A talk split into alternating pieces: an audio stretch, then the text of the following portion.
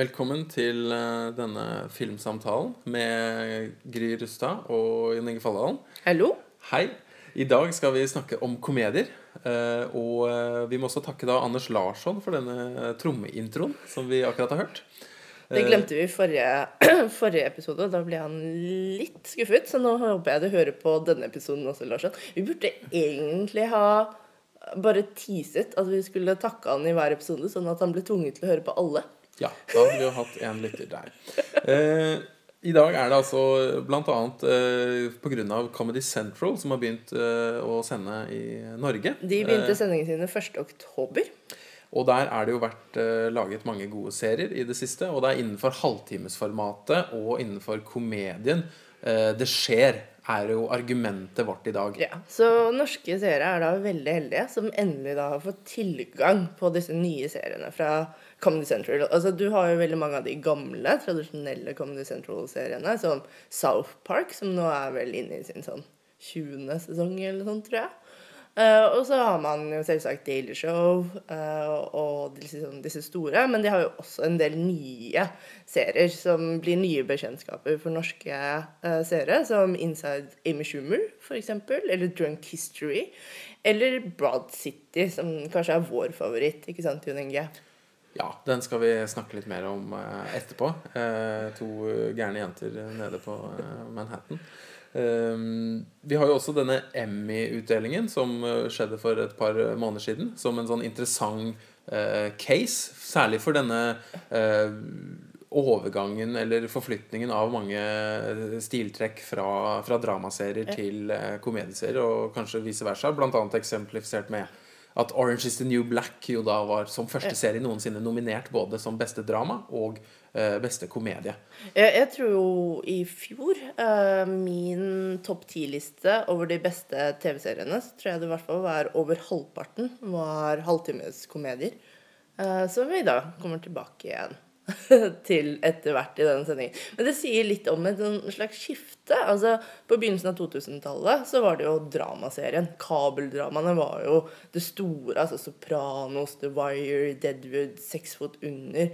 Det var liksom disse seriene alle snakket om. The Shield. altså eh, Mens nå ser man jo eh, at de kanskje har sluttet å vil jeg si, da, eh, eller min opplevelse av det i hvert fall, er at de har sluttet å være så innovative. altså De leker ikke like mye med stil, du blir ikke like overrasket over hver episode. altså en, Alle Sopranos-episoder syns jeg egentlig opplevdes litt sånn annerledes. Altså en kunne være, Det kunne være slapstick-komedie det ene øyeblikket til relasjonsdrama, familiemelodrama det neste, eller sånn hardcore gangster eh, gangsterfilm. Altså, og det, det har forsvunnet litt altså, i at TV-serien har blitt det jeg vil si er kanskje mer blockbusterifisert.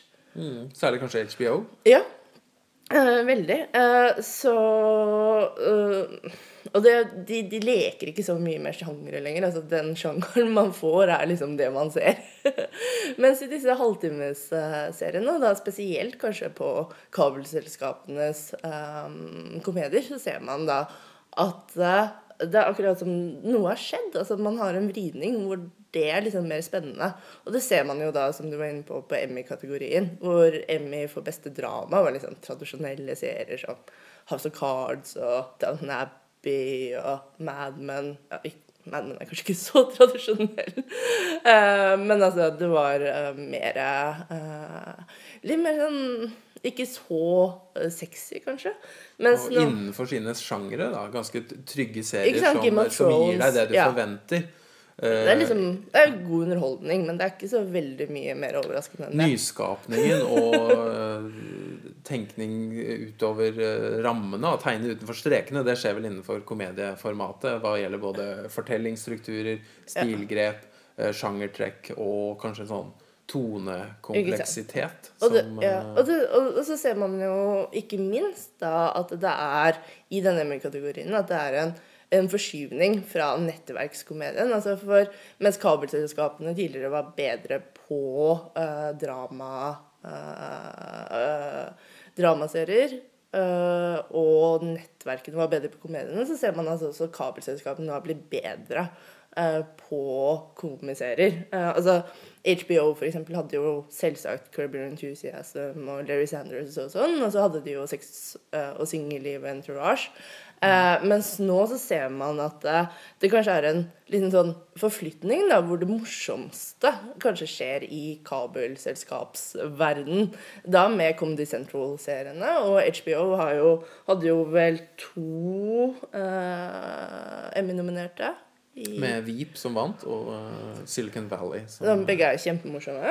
Uh, I tillegg så hadde man jo da Transparent, uh, som er fra Amazon. Ja. Ja. Eh, og Louis, som er FX. Eh, og så var det vel Kimmy Schmidt, som var, er fra Netflix. Og så var det Modern Family, da. Så, Men det var da faktisk bare én nettverksserie som var eh, nominert. Og ingen eh, av de tradisjonelle sitcom-seriene faktisk var nominert i det hele tatt, siden Big Bang Theory var ute. Så den, eh, den tradisjonelle, det trehodete trollet med trekameraoppsett og eh, innspilling i studio med publikumslatter, enten live eller boxed, og um, henvendelse til uh, kamera også, som også kunne være innenfor den tradisjonelle situasjonskomedien, er jo virker nå som er helt borte. Uh, man Ja. har uh, enkameraproduksjon, lignende på drama. Man har i stedet for latter eh, pinlige stillheter. Man har voiceover, en stor bruk av det.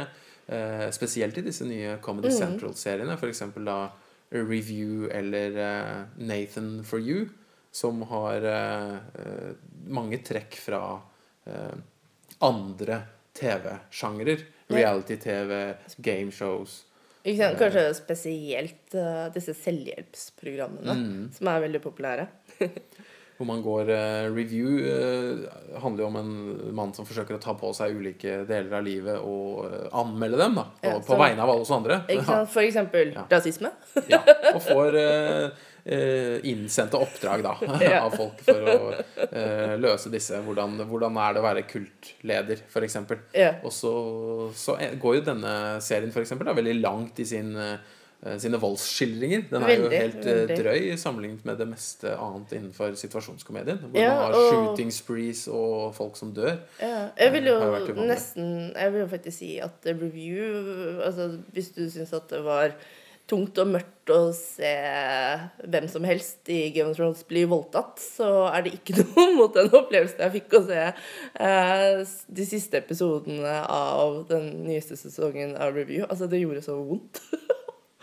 At det var litt sånn Ja, jeg merker at det knyter seg litt inni meg når jeg tenker på det fremdeles.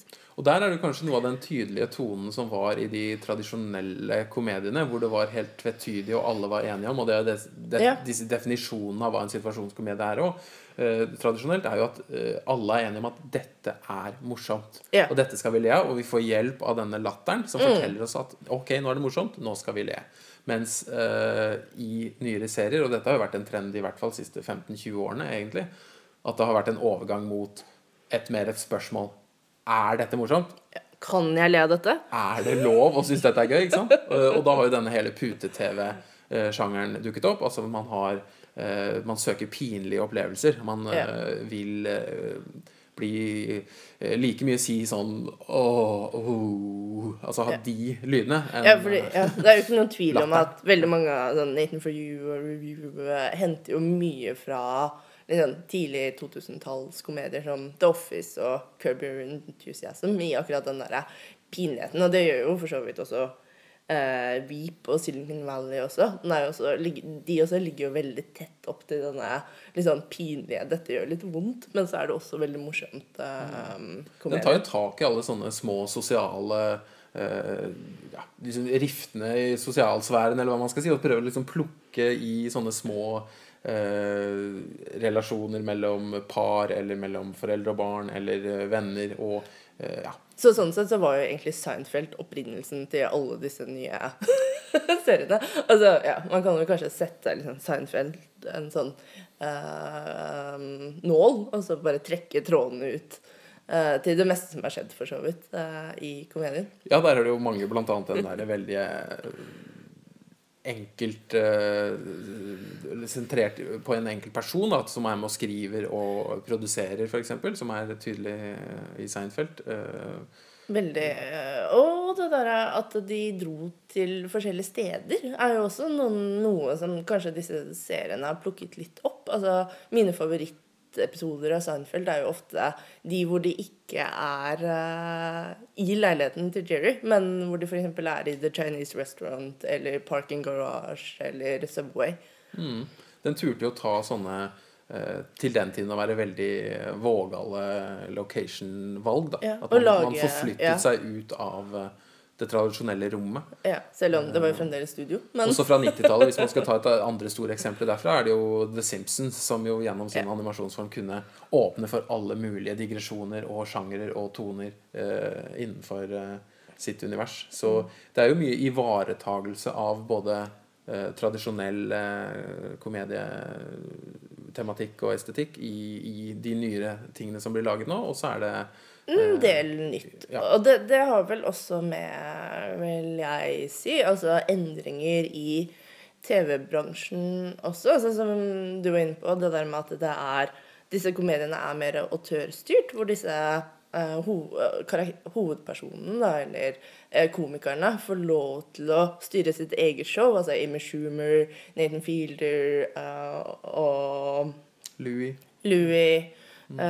og, og altså, de, de jentene i Broad City altså, de, har, de produserer selv, de skriver selv, og de spiller Girls. selv. Girls og for så vidt. Selv om vi hadde jo egentlig tenkt ikke snakke om girls. Ja, Gry er ikke så glad i girls. Jeg, jeg har stor glede av girls. Uh, så det kan være spennende. Og kanskje vi kan nøste litt i det. Fordi vi har jo noen av disse spennende Jeg syns det er en del spennende Nei, det er jo ikke en digresjon. Jeg tenker Det kan jo være også et hovedpoeng i disse nye seriene. F.eks. Broad City, som jeg syns er veldig god. Jeg syns også Amy Schumer er veldig god. Viser fram for meg uh, en del Uh, Vip også. Altså Ja. kvinnelighet Altså, de, de liker jeg jo. De eh, tre er veldig bra. ja, altså Hvis man tenker i liksom audiovisuelle fiksjoner, da, hvis man skal gå veldig svært Tenke film, Hollywood, blockbuster og sånne ting, så fins mange av de mest spennende kvinneskikkelsene, syns jeg, også nå i komedier. Oh, absolutt. som absolutt. er ut fra, igjen, hvis vi skal tenke Seinfeld, så er det jo Elaine-karakteren som er tidens beste, syns jeg. Mm. Veldig spennende. Minnet om, og fortsatt minner om,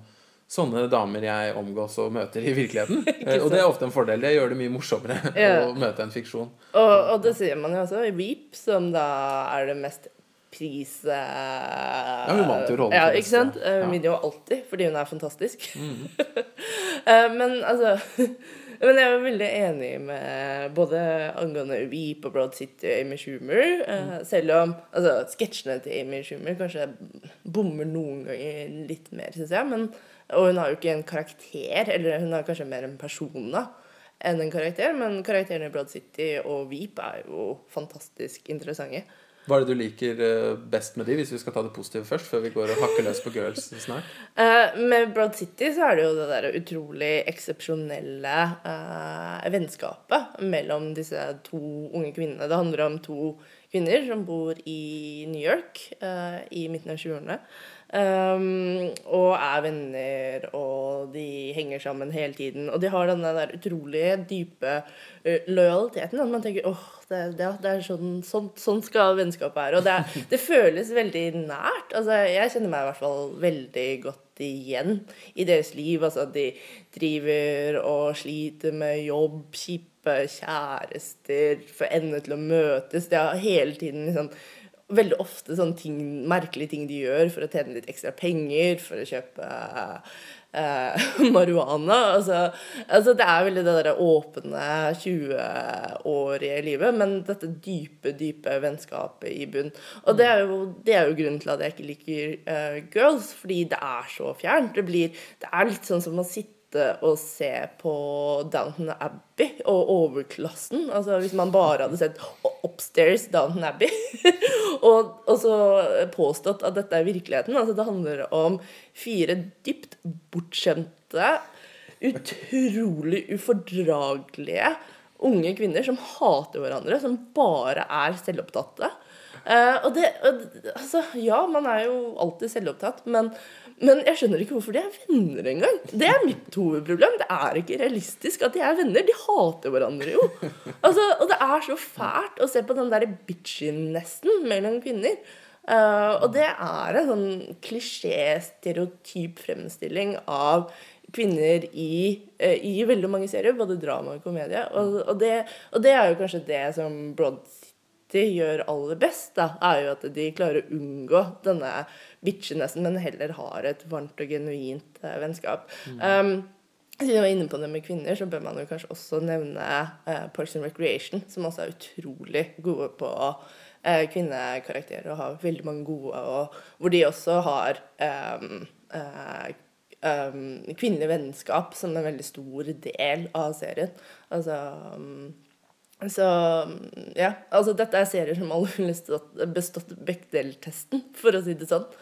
Ja, og disse Broad City-jentene, de er vel veldig eh, Får lov til å være veldig frie og i sine handlinger. Ja. Altså, jeg, jeg, tenker de, de, de, får lov til å være kåte, de får lov til å bæsje, de får lov til å eh, røyke. de får lov til å, Altså veldig mange tradisjonelle ting som eh, kanskje menn har fått lov til å gjøre da, i, mm. i den type fortellinger tidligere. Eh, og utforske. Være De får lov til å være vanskelige? Vanskelige. Irriterende? Sure. Ja. ja, ja. Men og, uten å være en sånn stereotyp bitch, sånn som jentene i Girls. Ja. Så eh, det korte tipset da fra oss er jo se på Broad City, ikke se på Girls. Mens jeg vil si at man også kan se, se på Girls, og heller tenke det som en skildring av en, av en sånn kultur som ja, eksisterer, absolutt. og en type mennesker som også finnes. Jeg tenker den derre ambisiøse, unge skribenten, veldig pretensiøs, uh, mangler en del uh, Eh, kanskje eh, Hva skal jeg si Folkeskikk og evne til å skjerpe seg, kanskje? Virkelighetsforståelse. Manglende virkelighetsforståelse. Ja. Eh, det er liksom Du har lyst til å liksom hamre løs i denne personen. Men der er det også et godt eksempel på ja. denne autør-situasjonskomedie opphavspersonen, da. Mm. Skrive, spille hovedrolle, også kanskje være med å produsere. Som den, den, kanskje beste, da, hvis vi skulle gått litt til Louis, som jeg syns er det aller beste som går på TV, rett og slett, og har vært i mange år. Jeg, det, er det, en, det, er det, eneste jeg føler jeg må se av eh, fiksjoner. både egentlig hva gjelder drama og komedie. Så det er, det er mm. ganske voldsomt. Jeg, jeg vil holde den serien opp på høyde med Eh, Sopranos, Sex Foot Under, eh, Seinfeld eh, ja. Mange blant mine all time-favoritter.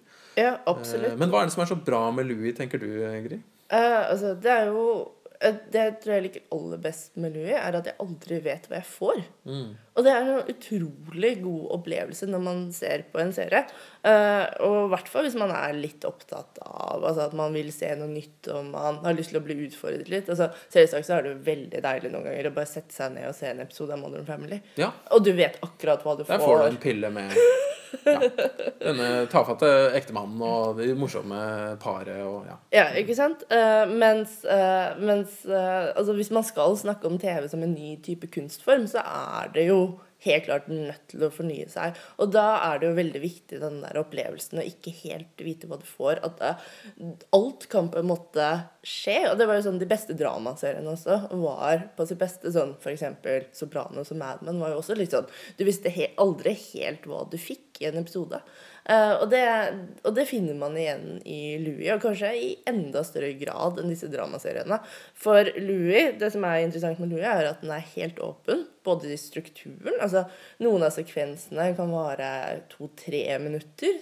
Eksempel en liten scene hvor Lou er på butikken med barna sine, og så må han plutselig skikkelig, skikkelig bæsje. og så handler det bare om hvordan disse døtrene heier på han, og de liksom prøver å komme seg hjem, så han skal rekke å komme seg på do, og det, bare, det blir bare verre og verre, og smerten blir bare større og større. Og denne scenen varer kanskje sånn fire minutter. Og det er utrolig vondt. og ganske gjenkjennelig. Ja, den klarer jo Det er jo pinlighet og ganske lavkomikk og Ja, nesten buskis, men samtidig med en veldig varme, da. Altså, det er veldig mye varme fra denne å si Ikke sånn. sant? Og disse døtrene som liksom heier på pappaen, og de løper inn til uh, en sånn kiosk og spør om de kan låne Han kan låne doen og Det blir en sånn liksom parodi på krigsfilmer òg, hvor de, liksom, han bare sier 'dere må bare dra'. Ja, Just go. Liksom, jeg, må- jeg må stå og ta det for meg ja, alene. Uh, no, og-.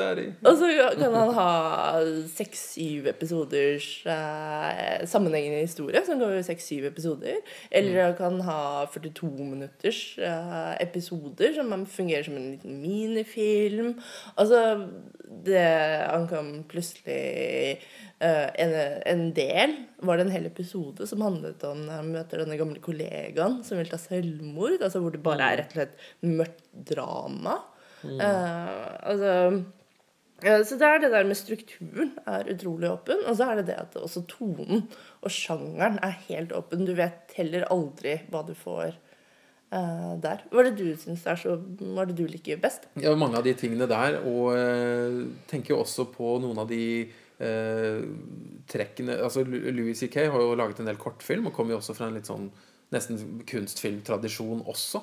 Eh, at de tør eh, ta inn over seg en del eh, stilgrep, da, som er f.eks. en sånn veldig, veldig lang kjøring Ja, det er vel Steadicam rundt to karakterer hos Louis som snakker. Det er en kvinne som han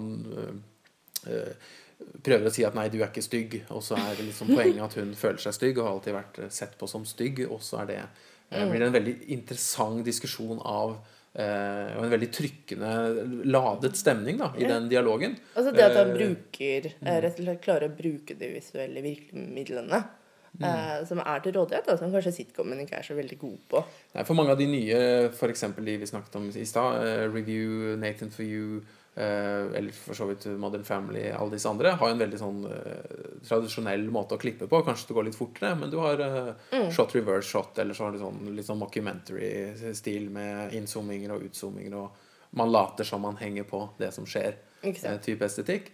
Eh, mens Louis og kanskje også Broad City tør jo å eh, utforske litt innenfor kamerateknikker og komponere mer tradisjonelt også sånn vakre, vakre bilder. Da. Man føler at man får en veldig god skildring av stedet da, i begge disse seriene. Absolutt. Og det er også liksom nytt med disse begge, er at de kanskje ikke er så settingbundet som sitcomen tradisjonelt har vært. Altså, og det er jo et trekk med egentlig flere av disse nye. Altså Vanligvis sitcomen har jo da vært familiesitcomen, hvor du gjerne befinner deg hjemme hos noen. Arbeidsplass-sitcomen, hvor du befinner deg på en arbeidsplass eller bar, mm.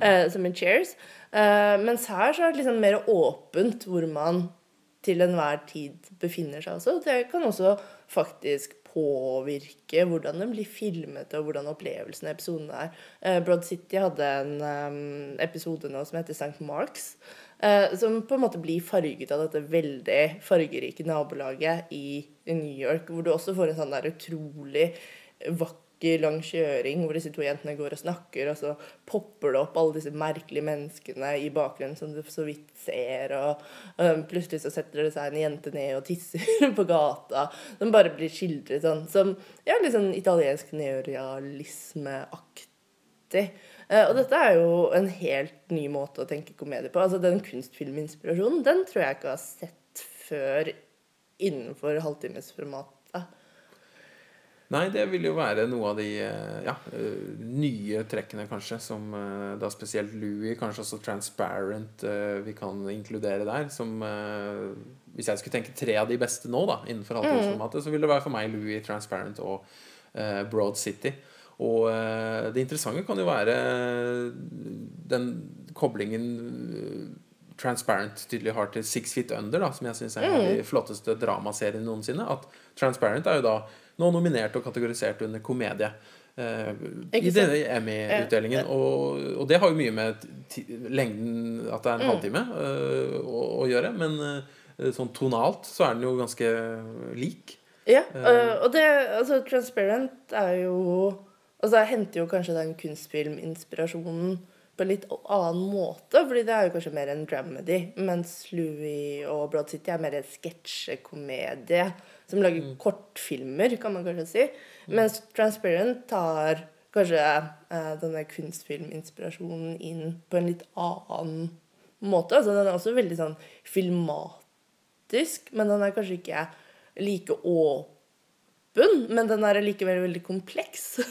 Så har den disse små øyeblikkene av sånn uh, som man gjerne har tatt seg tid til innenfor uh, ulike eh, filmretninger med hvor, hvor det ikke skjer noe, på et vis. Altså I noen av de første episodene av Transparent så sitter det Det er mange folk som kommer hjem og tar av seg buksa og setter seg i sofaen i underbuksa Ja. og er, er alene og i en sånn Og det kan være scener som ikke behøver å vare så lenge, men som man ikke typisk ville forventet å kunne se i eh, tidligere komedieserier. da. Eh, Og så er det jo Fotoet er jo utrolig eh, vakkert i Transparent. Altså, Der er det sånn Veldig mange av bildene kunne man jo rammet inn og hatt på veggen. Eh, og det er jo også veldig sånn spesielt og unikt for en komedie, vil jeg si. Altså, det er veldig sjelden man tenker når man ser på sitcoms. Og der er det kanskje et tydelig skille da, hvis man skal se på inspirasjonene de forskjellige nye seriene tar. Hvis vi tar disse to fra Comedy Central, Review og Nathan for You, som er eh, kanskje mer inspirert av andre typer eh, TV-sjangrer, eh, mens eh, Louis eh, Transparent går mer mot film- og dramaserien som sine inspirasjoner. Eh, for du vil jo kanskje ikke tenke å henge opp et bilde fra Nathan for You eller Review Nei. på veggen. Altså det er en annen type estetikk. Selv om Og- Nathan for You har jo et bilde som hadde vært litt morsomt å henge opp, så hadde det kanskje ikke blitt tatt helt imot. Men han har jo dette utrolig sånn komplekst bilde hvor han driver og har lagd eh, Ikke for å spoile, men han, han, han skal lage et butikkdisplay eh, som tar veldig, veldig av. eh, som blir veldig sånn estetisk detaljert og veldig masse fine estetiske Det har noen annen verdenskrig-referanser. Detaljer Ja. som blir veldig mørke, og det er, det er veldig mange lag der i akkurat det bildet. Men nei, sånn generelt sett, nei, absolutt ikke. Og formatmessig så er det vel også noen av de, og det gjelder jo egentlig begge disse typer seriene, både innenfor Louis og innenfor disse Comedy Central eh, mer sketsjaktige, så har du timinutterssegmentet, som man jo kan kanskje kalle kan være en sånn Mm. YouTube-begrensning også. Og det ser man jo I hvert også. fall verdt det. Ja, De blir jo lagt ut på YouTube også. Altså De mest spennende, morsomme scenene og sketsjene blir jo faktisk lagt ut på YouTube. eh, for sånn. Og det er jo det er jo kanskje ikke så rart, men tenk på at eh, forskning viser jo at det er jo der de unge, eller de yngste av oss, ser mest. Altså Veldig mange av de har jo ikke Netflix-abonnementer, men de ser på YouTube. Eh, og nå kommer det jo reklamefri versjon av YouTube som man kan betale for. eh, så eh, Apropos en digresjon, altså Paramount skal legge ut hele bakkatalogen sin på YouTube. Gratis. Så det, det kan jo bli veldig interessant. Så absolutt, altså man har uh, tilrettelagt uh, formatet for den nye liksom, mediebruken man har. Det ser man jo. Kanskje ikke transparent, da. Den er litt vanskelig å dele opp, syns jeg. Ja. Den bør ses fra A til Å. Det er vel et forsøk fra Amazon på å brande seg selv som uh, skaper av uh, si, dramatisk fiksjon. Med å, Absolutt. og det er jo interessant at de velger den type serie, som har en sånn Mm. uh, eh, Den er ikke politisk korrekt. De har jo ikke valgt, de kunne jo valgt et sånt eh, Mm. kostymedrama eller en eller annen etablert sjanger. Lage den streit gangsterserie. Har du noen Mm. Forklaring på hvorfor de eh, Altså, det er jo noe fordi det er jo Vi er jo inne i det man kaller peak TV. Som betyr at det rett og slett er for mye TV. Eh, Jeg trodde ikke jeg skulle si det, men det er for mye Too much TV. content. Ja, for mye TV selv for meg og for meg alt. Eh, Du har vært vant til å se på alt, og det går ikke lenger. Nei, det går ikke. Det er helt umulig. det gjør litt vondt, men Ja. det går fint. Eh, Men det man ser, er jo at derfor, for å liksom komme inn på markedet, så, og i hvert fall for en aktør som Amazon, som egentlig er et postordrefirma, mm. er jo at de, de må finne nisjene. Eh, Og en måte å finne nisjene på er jo å skape denne type innhold. Det var jo litt sånn der HBO begynte i sin tid også. For å komme inn på et allerede veldig sånn etablert marked, så skapte de jo eh, kritikerroste serier som Sopranos og Sex på under og Deadwood og The Wire. Um, og det er jo det Amazon gjør òg, fordi Transparent vinner jo også veldig masse priser, får veldig masse oppmerksomhet.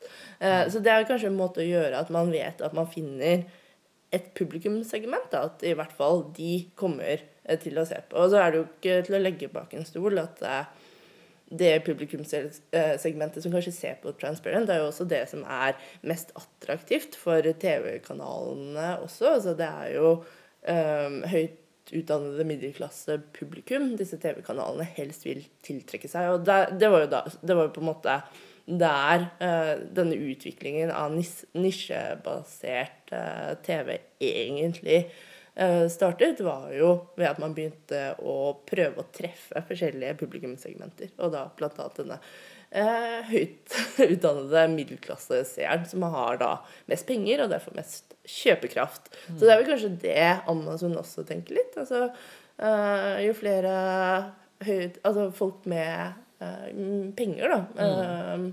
Uh, og så var det vel et hull i markedet etter denne blockbusterifiseringen av f.eks. HBO. Da, etter de har laget True Blood og Game of Thrones og uh, Boardwalk Empire, og, ja. som jeg for øvrig Den syns jeg er veldig flott. Men yeah, de, de, har altså, ikke det familie, familiedrama, da, tradisjonelle mm. familiedrama som har noen koblinger til den tradisjonelle såpeserien osv.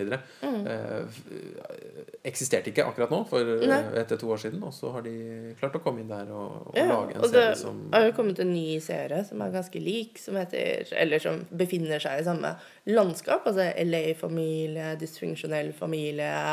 Veldig like tonen på mm. sexfotoner. Altså Casual på Hulu, som også anbefales. En helt flunkende nytt tips. Men igjen da, så ser man jo at det er i halvtimeskategorien. Uh, halvtimeskategorien. At det, det, det, kanskje skjer mest spennende ting, hvor det kommer mest spennende serier. Altså, det er veldig få uh, av den type dramaserier igjen. I hvert fall noe som Mad Men er ferdig. Altså, jeg kommer på Rectify, kanskje, som har, har dette litt sånn nedpå familiedrama, tør å være litt ettertenksom, poetiske litt sånn mer åpne uh, for uh, hvor episodene går, og hvor man er mer sånn rom for å bli overrasket på en annen måte enn at Oi, ble denne personen voldtatt på Game of Thrones overrasket? Mm. Så det må jo være en forhåpning da, for uh, dramaseriens fremtid. At den uh, tør være mer uh, eksperimentell igjen, da, kan man ja, si. Ja, Og komme tilbake, og ikke være så sjangerifisert. Og altså. lære, for nå ja. har jo da mye av det beste som har skjedd da innenfor komedie, komediesegment, er jo Seriene er jo at de har på en måte stjålet og latt, tatt det beste fra dramasjangeren mm. på mange måter. både Louis og Transparent og Broad City. Uh, og så kan de kanskje tenke litt uh, og stjele ja. litt tilbake igjen. Ja, kanskje når da Når folk skjønner det at det er komedieseriene man skal se på, så blir jo det kjempepopulært, at de blir mer standardiserte og ja, det er jo, og så er det dramaserien som kan uh, snike seg inn. Det er jo ja, den typiske måten det går. At det er eh, på topp nå, kanskje, og så eh, vil det gå nedover igjen. Og mm. så mm. skifter det mellom ulike sjangere. Og så vil det jo sikkert bli mye strømmeserier og nye aktører som vil komme. Ja. Og det er vel ingen i verden som vet hvor, hvor seriene vil være om fem år. Nei, altså de vil, Det må jo Det, det har du snakket om. Det, det går jo en grense for hvor masse de kan produsere. uh, så et eller annet kommer til å skje, om det er en boble som sprekker, eller om man legger seg på et sånn passelig nivå hvor det er nok seere til alt. Um, det er vanskelig å spå. Uh, men det virker jo som at det fremdeles er en etterspørsel, og det er jo fint. At folk har så lyst til å se på TV. At det er et marked både for serier som Game of Thrones og de store seriene, uh, men også da for mindre uh, serier da som Louis og Broad City. Mm. Kanskje det Ja, så anbefalingen er jo er, det, er vel da å gå og se på disse komedieseriene og le.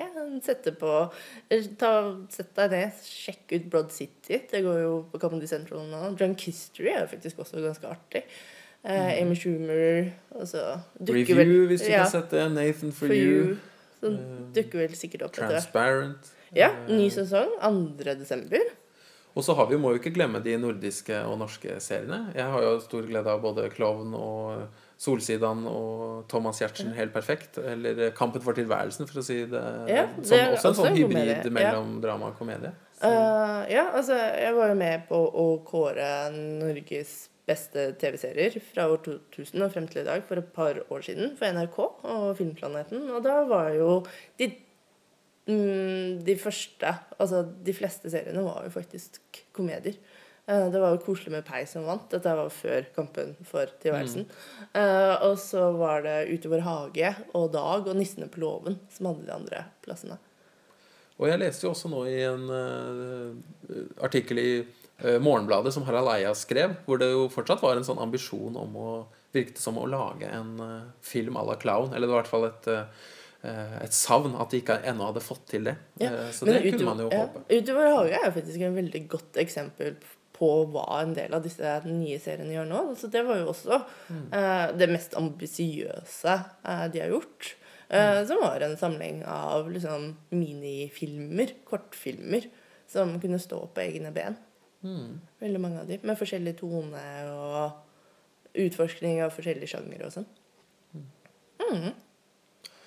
Da vil vi neste gang vi eh, høres, eh, snakke om eh, Hirokatsu Koreda, eh, 'Søstre', Ja. japansk film, og gråting. Og ikke minst Tårer. så dere, kommer dere til å få vite hva jeg Jeg gråter veldig mye. Eh, spoiler. Eh, og Jon Inge har grått mest av opp Så gjennom vår karriere. karriere. fra latter til gråt da i Filmsamtalens neste utgave. Så eh, takk for nå. Takk for nå.